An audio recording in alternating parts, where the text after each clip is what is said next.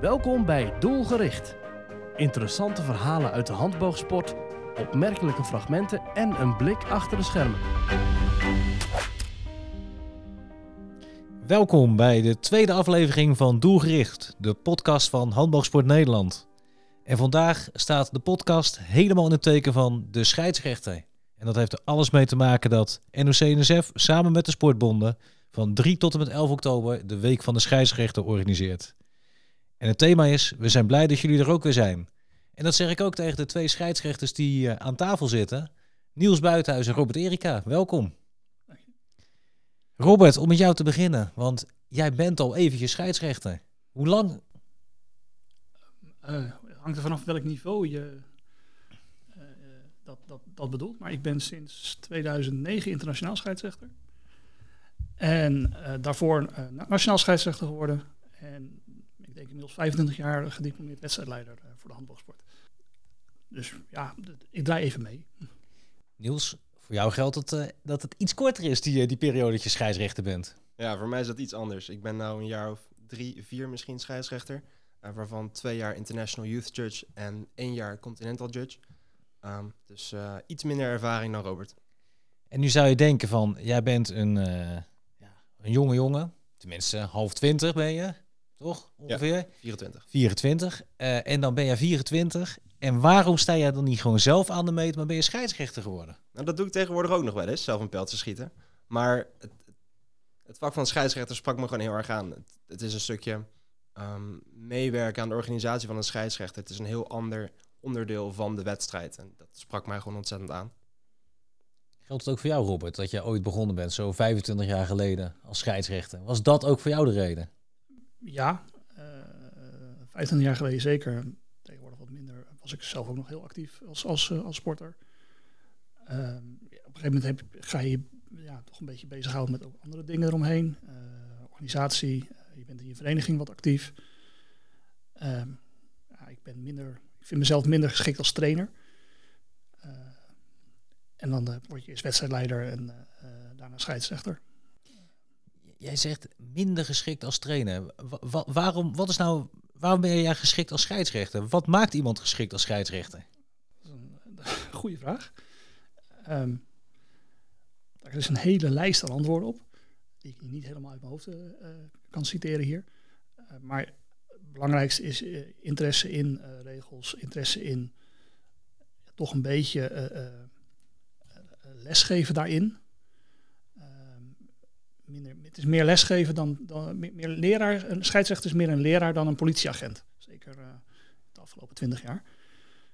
Uh, en dat, dat, ja, dat, die interesse had ik wel. Uh, interesse om, om trainer te worden, ja, interesse heb ik niet. Ja, alle respect voor alle trainers in Nederland. Maar het is niet mijn, niet mijn ding. Ik zag jou heel erg knikken, Niels. Op het moment dat er werd gezegd van uh, het is ook lesgeven. Ja, ja, de rol als scheidsrechter is inderdaad een begeleidende rol in plaats van het feit dat je mensen regels oplegt. Uh, je gaat vanuit dat de schutters de regels kennen um, en jij begeleidt ze daarin. Je wijst op het feit dat er bepaalde regels zijn, dat ze die misschien overtreden. Het, het is vooral het uitleggen en het toepassen van het uh, regelboek dan het opleggen. Maakt, wat maakt nou uh, de rol van de scheidsrechter dan leuk? Is het dan juist de interactie met sporters of vooral als je ziet dat die sporters het zelf goed doen? Beide. Je staat natuurlijk vlak naast de actie. Uh, je ziet precies wat er allemaal gebeurt. Um, en uiteindelijk begeleid jij die schutters um, zo dat zij een wedstrijd kunnen schieten. Dat zij kunnen excelleren in hun sport. En daar draag jij aan bij. Uh, nee, neem ons eens mee. Gewoon, jij gaat naar een. Wat is de meest recente wedstrijd die jij hebt gefloten? Het NK Jeugd. Neem ons eens mee naar het NK Jeugd. Hoe bereid je daarop voor en hoe gaat nou zo'n dag voor jou?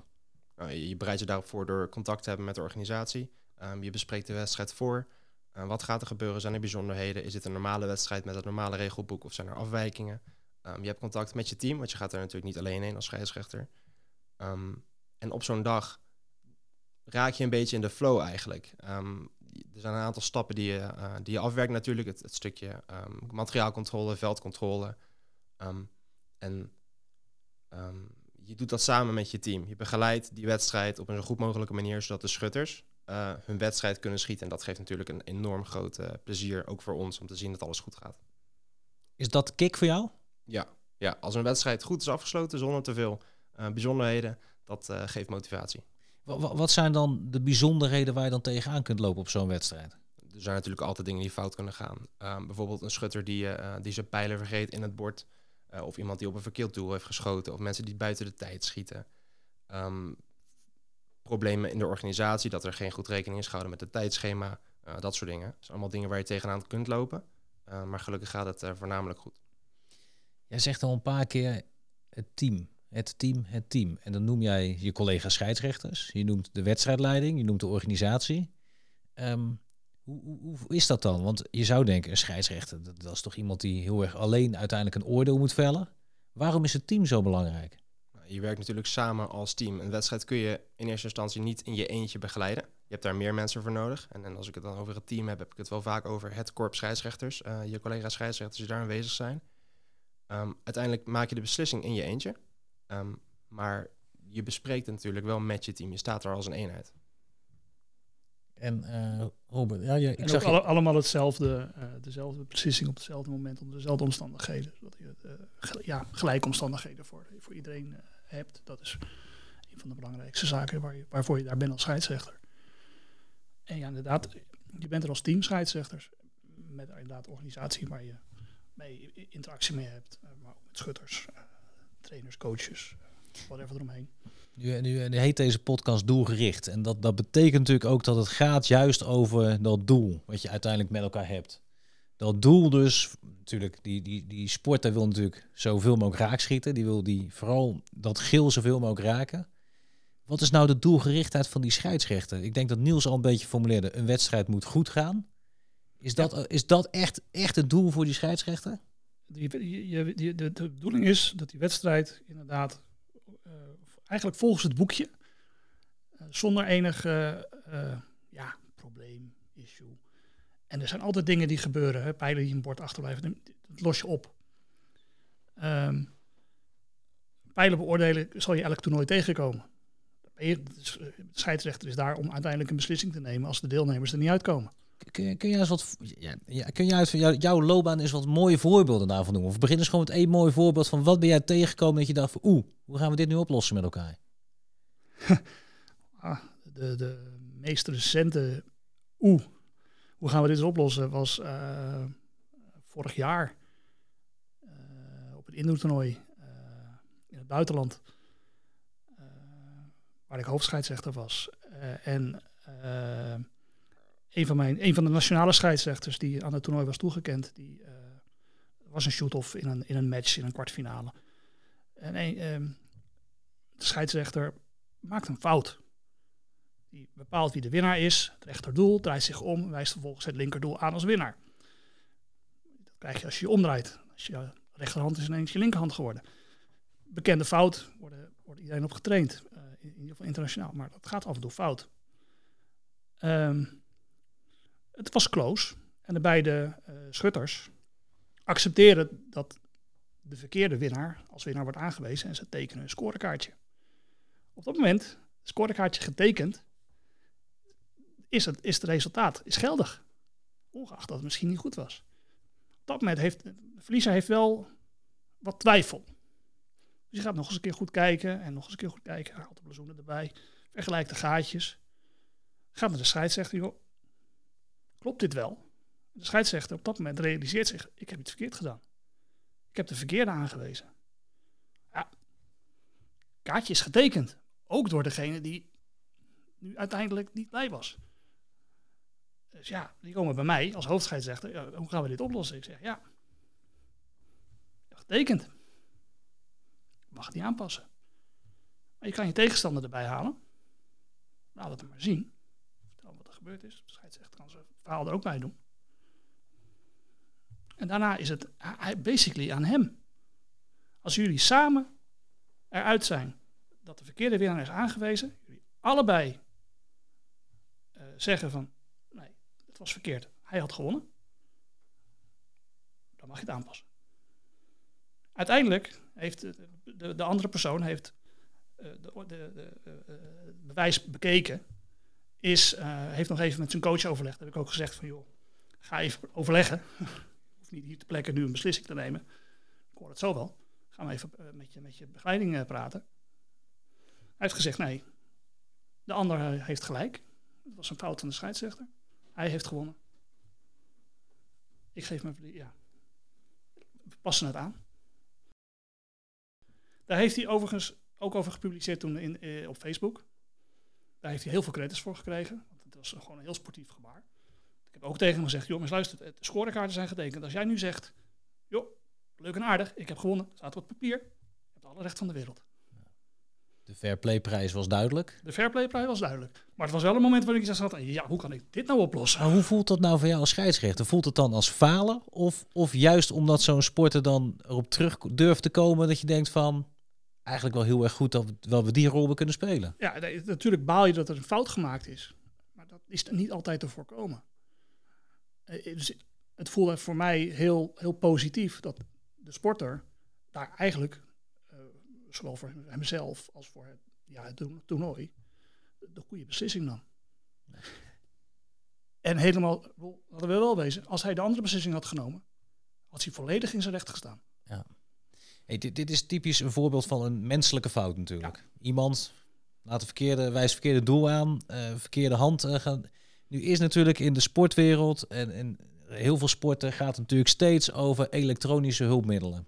In het voetbal de video assistant referee, oftewel de VAR. En je hebt natuurlijk met hockey heb je eh Hawkeye bij het tennis en gaan ze maar door allemaal. Zou dan ook iets in de handboogsport kunnen helpen om het vak voor jullie net iets makkelijker te maken? In de handbalsport hebben we eh Falco Eye op de, op de eindtoernooien, eh, World Cups, wereldkampioenschappen. De finales. voor de finales, ja, Ja. want het zijn best dure systemen. Eh, en ook niet helemaal foolproof, helaas. Mhm. Eh, maar mocht, eh, hè, dus uiteindelijk eh, is momenteel nog steeds het reglement dat de scheidsrechter de beslissing neemt, niet het systeem. Eh, maar is daar een duidelijke discrepantie tussen het systeem en de camera's en de scheidsrechter, dan is het misschien niet formeel geregeld, maar er wordt wel even naar gekeken of het wel klopt. Zou je er blij van worden als je meer met zo'n soort systeem kunt doen? Of met andere systemen? Ja, Eh, voor mij wel, voor anderen misschien niet. Eh, ik weet niet of het de snelheid te goede komt. Ik, eh, heb een paar jaar geleden met verbazing zitten kijken naar short track schaatsen, waar ze echt een kwartier bezig waren na de finale om te kijken of het allemaal nog wel, eh, ja, wie er wel, wel of niet gedisqualificeerd moet worden. Volgens mij wil je dat niet willen. Ehm, maar als het snel kan en, en, en, en ja, zon, eh, geruisloos basically, ja, waarom niet? Dat is alleen maar, alleen, maar, alleen maar eerlijker. Blijft wel dat eh, dat, dat uiteindelijk de beslissing tussen wel of niet raak, een pijl wel of niet raak is, is millimeterwerk, nou, micrometerwerk soms. Ehm, het systeem eh, kan het niet altijd helemaal goed zien. Ook- omdat een blazoen nou eenmaal een papieren ding is wat onder invloed van weer net iets groter en niet iets kleiner kan worden.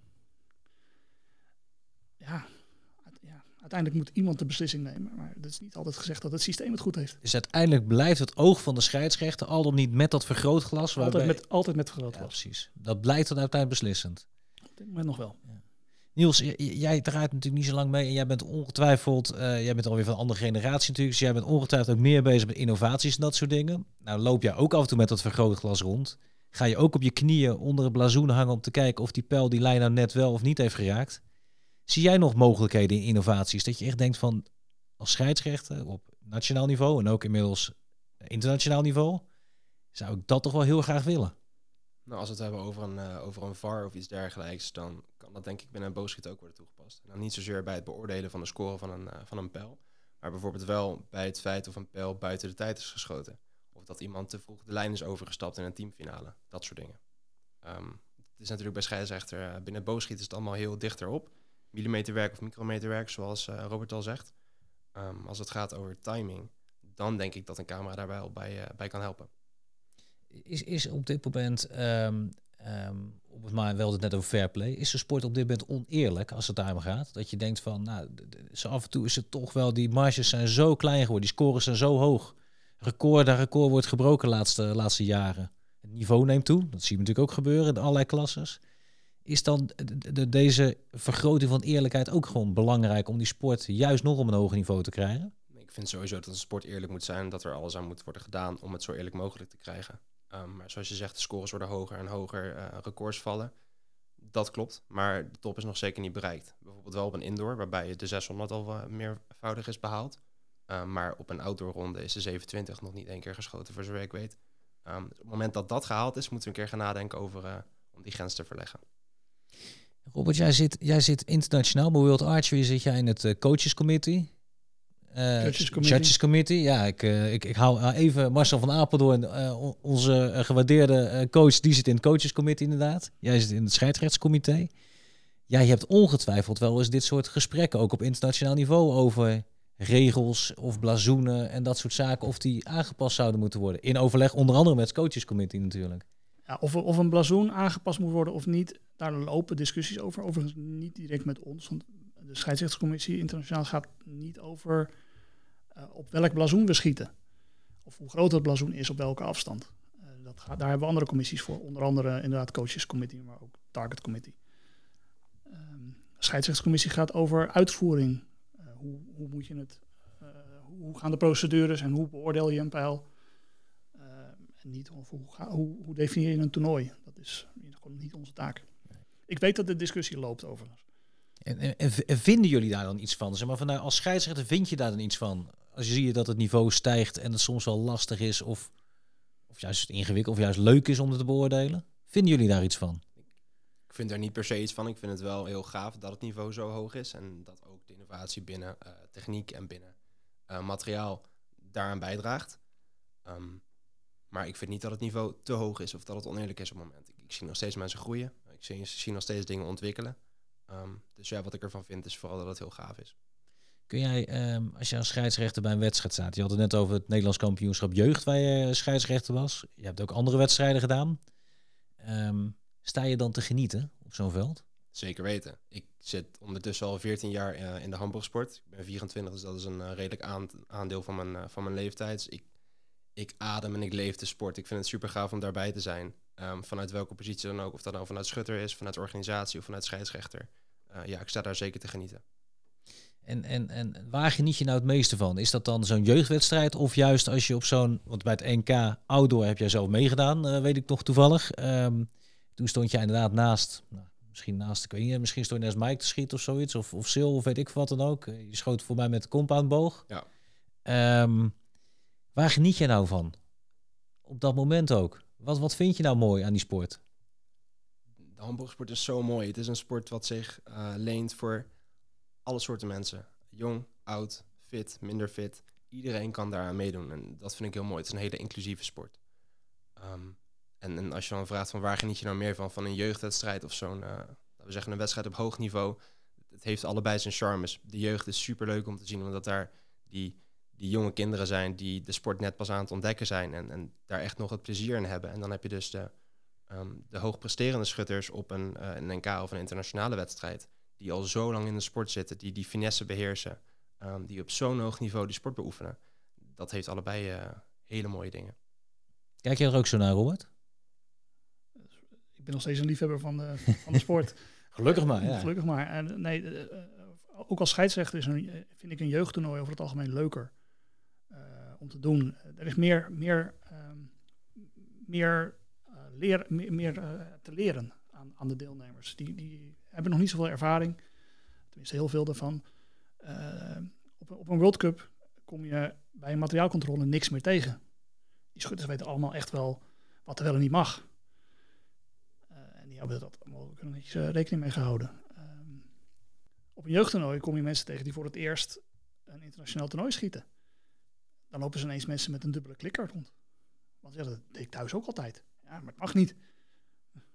Of hebben ze uh, in, in, in Nederland wel eens een jeugdtoernooi uh, meegemaakt. Een, een jeugdschutter die had net een nieuwe boog.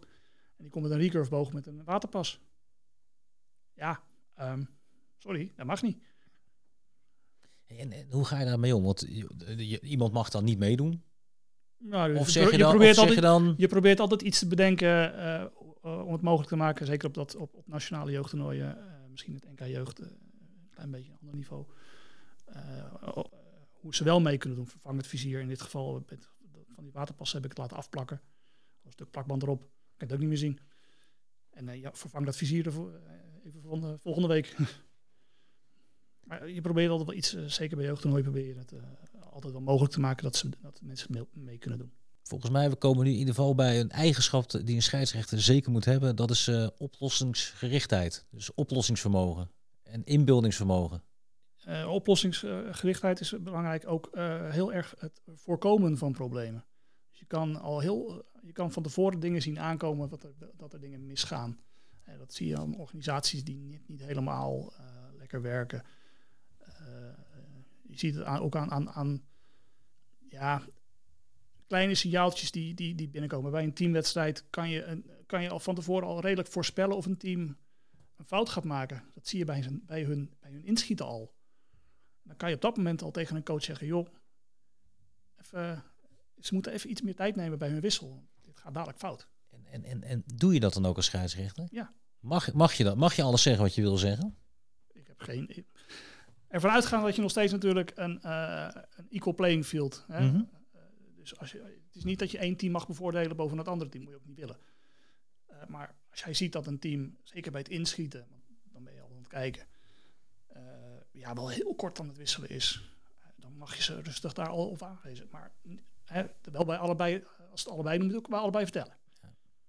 Ik zag jou alweer knikken van, dit zijn van die dingen, daar moet je als scheidsrechter op letten. Ja, nou goed, je zegt dat mag je alles zeggen. En ja, als scheidsrechter mag je in die zin alles zeggen. Als je maar wel heel erg zeker bent van je zaak. Uh, dat je goede kennis hebt van de regels. En het op een menselijke manier communiceert met de coach of schutters. Het gaat daar vooral om communicatie en duidelijkheid. Dus ook goed communi kunnen communiceren is dus een kernkwaliteit van een scheidsrechter. Zeker weten, zowel verbaal als fysiek. En laten we dan even een stapje zetten naar de, naar de opleidingen. Want ja, je kunt niet zomaar scheidsrechter worden. Je moet inderdaad dus eerst uh, de verenigingsscheidsrechteropleiding doen, dan de bondscheidsrechter. Dan heb je de internationale tak uh, waar je natuurlijk naartoe kan. Uh, dan is dus regelkennis heel belangrijk in zo'n opleiding. Dan is dus communicatie heel goed in de opleiding. Hoe kijken jullie daar daarna van? Want ja, ik vraag het ook omdat ja, we hebben natuurlijk altijd te weinig scheidsrechters in Nederland. Ik zal wereldwijd hebben we waarschijnlijk te weinig scheidsrechters, maar zeker in Nederland hebben we te weinig scheidsrechters. En eh, dan hebben we het ook nog eens over kwaliteit van scheidsrechters. Ja, de een loopt al heel lang mee en de ander loopt wat korter mee. Uiteindelijk is het heel belangrijk om uh, je kennis bij de tijd te houden natuurlijk. Even naar die, naar die opleiding. Wat is nou belangrijk ook in die opleiding om daarin te stoppen? En wat is nou belangrijk om iemand te motiveren om scheidsrechter te worden? Uh, een opleiding bestaat... Regelkennis is één, communicatie, houding, je procedures kennen. Het allerbelangrijkste in een, in een is ervaring opdoen. Je moet het gewoon heel veel doen. Alleen in de, alleen in de opleiding of vooral ook daarna? Aldo, vooral ook daarna. Ja. Uh, internationaal uh, moeten we elke uh, vier jaar onze accreditatie verlengen. dat is een kennistest, maar dat wordt ook beoordeeld hoe jij geacteerd hebt op je toernooien. Ja. Dat wordt dan gedaan via de hoofdscheidsrechter. Maar als het echt mis is, dan horen we het echt wel heel snel. Want dan kun je ook als scheidsrechter een straf krijgen.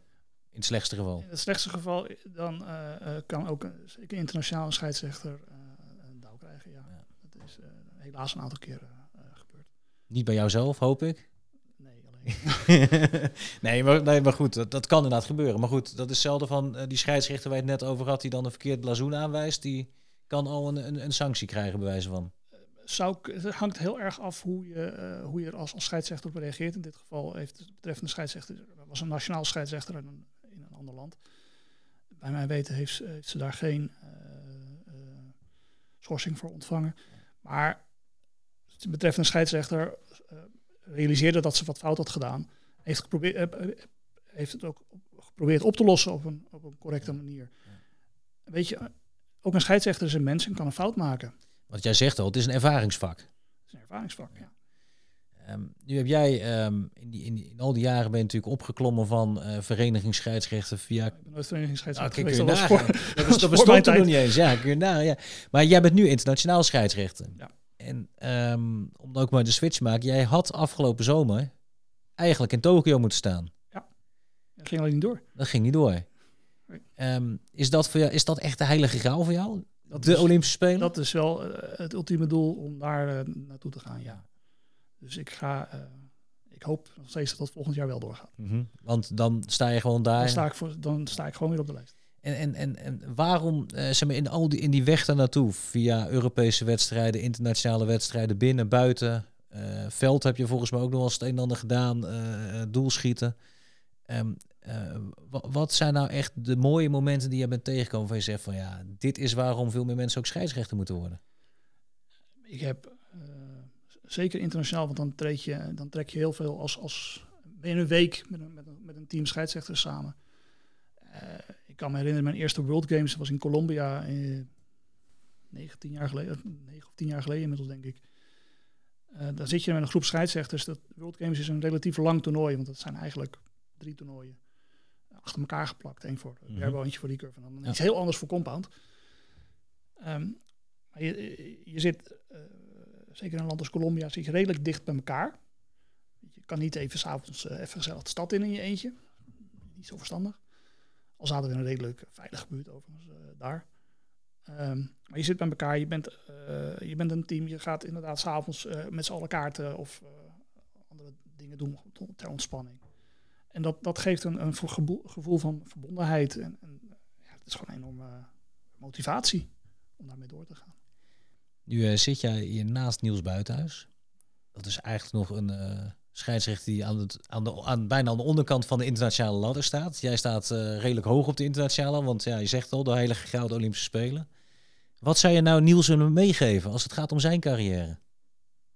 Volgens mij is Niels heel goed bezig in, zijn carrière. Hij heeft ambitie.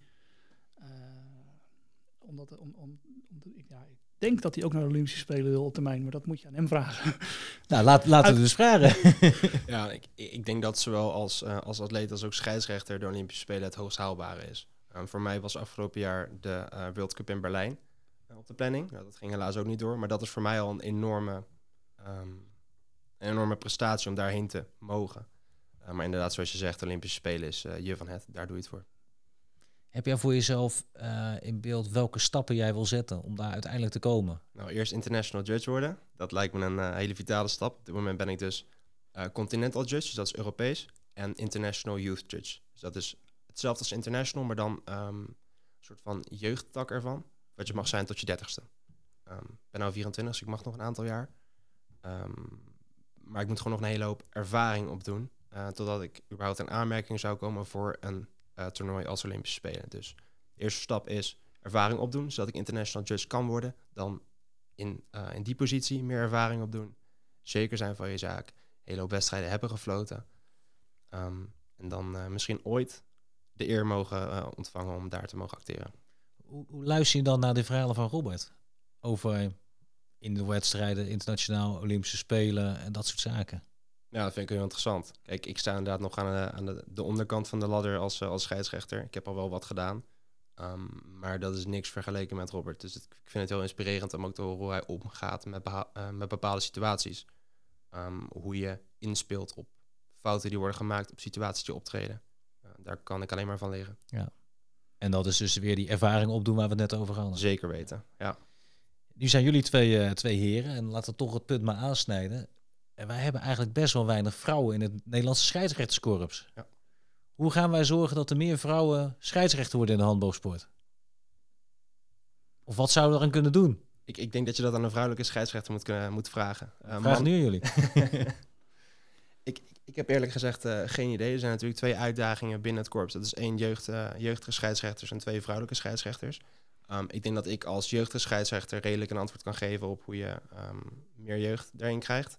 Uh, maar ik denk toch echt dat je het perspectief van een vrouw uh, nodig hebt om te kijken hoe we meer vrouwen erin krijgen. Oké. Okay. Het is bij mij, ja, ik, ik, ik sluit me wat dat dan gaat een, een, een, beetje bij Niels aan. Ik, ik zou ook niet weten van beperkingen die, die er zijn als vrouw om scheidsrechter te worden. Volgens mij zou, zou een vrouw die daar een ambitie toe heeft, of als een, een, een jongere man of een ja. oudere man of een oudere, maakt allemaal niet uit. Allemaal hetzelfde. Uh, als je de ambitie hebt en de, en de, en de, en de vaardigheden kan uh, ontwikkelen dan, uh, en de tijd voor hebt. Tijd voor maakt. Tijd voor maakt. Uh, dan, dan, zou, kan, moet iedereen het kunnen. Ja. Er hoeven daar ook helemaal geen drempels te zijn. Ook in het um, World Archery Judge Committee zit ook een, een dame. Um, als je maar aspiraties hebt en als je interesse hebt in het scheidsrechtervak. Um, de, de kwaliteiten die we er straks besproken hebben. Als je dat hebt, dan maakt het niet uit of je een man of een vrouw, jong of oud bent. Uh, het is, de handbalsport, zoals ik al zei, is een hele inclusieve sport. Dat geldt voor zowel de atleten als ook voor de scheidsrechters. Um, dus ik weet niet wat voor uh, grenzen er liggen om als vrouw scheidsrechter te worden. Maar ik zie daar geen enkele grens. Hey, en dan inderdaad waar je wel iets over kunt zeggen, hoe dat jongeren inderdaad scheidsrechter kunnen worden. Want ja, die vraag kunnen we in ieder geval wel aan jou stellen. Ehm, want jij bent eh, 24 en volgens mij is de ene jongste scheidsrechter bijna 40. Zo ongeveer, denk ik. eh, als Misschien ik ben ik eh, dat wel. ja, ik geloof dat er nog één tussen zit inderdaad, maar dat, dat, dat zegt natuurlijk wel iets. Ehm, is gewoon, het is gewoon noodzakelijk om die sport kwalitatief sterk te houden. Dat we ook gewoon meer scheidsrechts hebben in Nederland. Ehm, wat zou jij dan willen meegeven aan, aan iedereen, zeg maar, laten we voor het gemak zeggen, onder, onder de 40 jaar om scheidsrechter te worden? Zoals ik al zei, het vak van scheidsrechter ehm, is een organisatorische positie binnen de wedstrijd, maar je staat wel heel dicht op de sport. Ehm, het weerhoudt misschien jongere mensen ervan om scheidsrechter te worden, omdat het een redelijk passieve rol is binnen de wedstrijd. Kijk, als voetbalscheidsrechter ren je constant mee, dan ben je echt ook een atleet, eh, vind ik. Bij scheidsrechter binnen het handboogsport is dat iets anders. Ehm, maar het is, zoals ik al zei, zo gaaf om zo dicht op de sport te staan. Je staat midden in de finale als iemand een wereldrecord schiet, als iemand zijn gouden finale eh, wint. Ehm, je bent onderdeel van de sensatie van de wedstrijd. En dat is wel iets heel bijzonders. Maar je bent dus ook onderdeel van inderdaad de veiligheid van de wedstrijd, het goede verloop van de wedstrijd, de snelheid van de wedstrijd. Jij werkt dus ook mee aan records, om het maar heel simplistisch te zeggen. Dat is uiteindelijk ook wat er gebeurt. Van een voetbalscheidsrechter zeggen ze vaak van... als je aan het eind van de wedstrijd niet weet wie de scheidsrechter was... heeft hij het goed gedaan. Geldt het ook voor een handboogscheidsrechter? Bij boogschieten ook. Ja. Als aan het eind van het toernooi niemand meer weet wie de scheidsrechter was, was het een goed toernooi. ja. En dat is, ja, dat is fact of life. Dat is eigenlijk een compliment dan. Eigenlijk een compliment. Ja. Ja. Jullie zijn allebei ehm, ooit, ooit de sport überhaupt ingerold. Jij volgens mij ook vooral door je vader, Niels. Dat je tenminste... De, Mijn vader en mijn broer, ja. ja, en, en volgens mij is het ook het verhaal dat je scheidsrechter bent geworden. Dat je letterlijk het shirt van je vader ooit hebt aangedaan... voor de eerste keer dat je scheidsrechter was. Ja, ja dat klopt. Dat was ehm, op Papendal. was er een, eh, een internationale vriendschappelijke wedstrijd tussen Indonesië en Nederland. Ehm, mijn vader, Gerrit die deed daar de scoreverwerking. En er was geen scheidsrechter. Nou, daar was toch wel wens naar, omdat er een, eh, een teammatch gefloten werd. Want toevallig had eh, pa zijn, eh, zijn shirt in de auto liggen. Dus die ben ik gaan halen, die heb ik aangetrokken. En toen heb ik als niet-scheidsrechter die wedstrijd begeleid. Ehm, en dat heeft wel eh, de vonk aangewakkerd, zeg maar. Dus eigenlijk zouden we al die jongen gewoon één keer zo'n shirt moeten geven, Ja. onverwacht. En dan hebben we gelijk veel meer scheidsrechters. Ja, ga maar doen. Nou, op zich Ja. nog, niet zo'n heel, nog niet zo'n heel gek idee. Waarom niet een soort van experience dag als scheidsrechter? Eh, of andere rollen binnen, eh, binnen de handboogsport. Ga het maar een keer ervaren, kijken of het leuk is. Toen kreeg hij vervolgens, toen hij dat gedaan had, kreeg hij de toenmalige voorzitter van de scheidsrechtscommissie eh tot, eh, te horen. Het is leuk dat je dat shirt aantrekt, maar ga je nu ook de opleiding doen? En toen zei hij gelukkig Toen ja. zei- toen zei hij gelukkig ja. Ja, precies. Ja, precies, precies. Hey, de Week van de Scheidsrechter. Dat is ook zo'n initiatief van NOC-NSF. Want er zijn natuurlijk in alle, alle sporten hebben we scheidsrechters. Ehm, om juist om inderdaad te zorgen dat er fair play is. Om sport mogelijk te maken. En gaan ze maar door. Eh, Robert, heb jij dan ook, eh, als jij sport kijkt op televisie... Kijk je dan ook vooral naar de scheidsrechters... of kijk je toch nog wel vooral naar de sport? Voor zover ik naar sport op televisie kijk.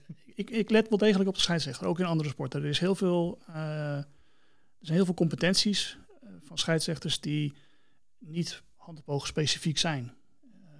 Het managen van een wedstrijd. Ja, natuurlijk is een voetbalwedstrijd iets anders dan een boogschietwedstrijd. Maar een goede scheidsrechter op het veld, daar kan je een hoop van leren. Die, zijn uitstraling, zo, hoe hij zijn, hoe die zijn positie kiest, hoe hij kijkt. En hij kijkt naar andere dingen. Maar daar valt nog steeds een heleboel van te leren. Zijn er nou sporten waarvan je echt zegt van de scheidsrechter in die sport... heeft al heel veel weg van de scheidsrechter in de handboogsport? Ehm goeie. Ehm, misschien eh, sporten als tennis. Ehm, sporten als, eh, als snoeker. Waar ook de scheidsrechter eigenlijk een duel tussen twee sporters eh, begeleidt. Ehm, de CNSF maakt redelijk veel, veel eh, verschil tussen eh, teamcontactsporten en meer individuele sporten. Nou, wij zitten heel duidelijk in de tweede. Alhoewel, alhoewel we ook teams hebben, maar we hebben niet zo heel veel contact. Niet zo erg. Ehm, en het, zeker in het, in, het, in het individuele sporten ja, is er, is er, zijn er wel degelijk ja, sporten die vergelijkbaar zijn. Ja, regels zijn natuurlijk altijd anders. Het is een heel andere sport. Eh, het ziet er anders uit. Maar de taak van een scheidsrechter is, is bij het boogschieten eh, ja, vergelijkbaar met, met een andere schietsport. Of met eh, ja, tennis doet het net iets anders. Maar uiteindelijk zit daar een umpire die een beslissing neemt. Ja. En dat is uiteindelijk wat je En bedoelt. dat is uiteindelijk wat je doet. Geldt ook voor jou? Dat je Ja. echt meer naar scheidsrechters kijkt? Nou ja, goed, ik, ik, ik ben zelf wel een sportliefhebber. Ik vind sport ontzettend interessant. Ehm, maar er zijn altijd dingen waar je van kunt leren, wat voor sport het dan ook is. En zoals Robert zegt, ehm, er zijn een aantal competenties als scheidsrechter die niet handboogspecifiek zijn. Regelkennis is een hele belangrijke. Eh, je uitstraling, communicatie, eh, ethiek. Dat maakt niet uit wat voor sport het nou is. Eh, dat hoor je gewoon te bezitten en te beheersen als scheidsrechter. Maar het is niet zo dat ik meer kijk naar scheidsrechters bij een sport dan naar de sporters. Tenzij ik de scheidsrechter ken, dan vind ik het natuurlijk hartstikke leuk om die persoon eh, daar bezig te zien. Ehm, maar de sport als een geheel, dat eh, vind ik het meest interessant. En, en, en zo'n initiatief van NOC en NSF van zo'n week van de scheidsrechter, is dat dan iets waarvan jullie denken van fijn, wat goed dat wij worden gewaardeerd in onze rol die wij hebben in de sport? Of denk je van, ach, het maakt me niet zoveel uit? Ik, ik zie het niet per se als een waardering, maar ik vind het wel heel erg goed dat er aandacht aan wordt besteed. Um, zoals we er straks aangaven, het is bij veel wedstrijden goed als je achteraf niet meer weet wie de scheidsrechter was. Mhm. Maar ze zijn er wel degelijk en ze zijn heel belangrijk. Uh, want zonder scheidsrechters is er geen wedstrijd. Um, natuurlijk zonder andere mensen ook niet. Maar een scheidsrechter is daar wel een vitaal onderdeel van. Um, maar ik vind het heel goed dat er aandacht aan wordt besteed. Want misschien wekt dat ook wel enthousiasme vanuit andere mensen om uh, daarmee bezig te gaan. Ja, om dat vak, want jij noemt het al, je hebt het een paar keer echt genoemd een vak, om dat vak uiteindelijk ook te gaan beoefenen. Ja, ja dat, ik, ik vind het wel een vak. Het is iets, uh, iets bijzonders. Het is niet iets waar je echt voor uh, kunt studeren en een diploma voor kunt halen. Maar goed, in zekere zin wel. Um, maar ik, ik, zie het wel als een vak, ja. Ja, en jij hebt al een Maar paar... Volgens mij heb ik jouw eindexamen afgenomen, niet heel lang.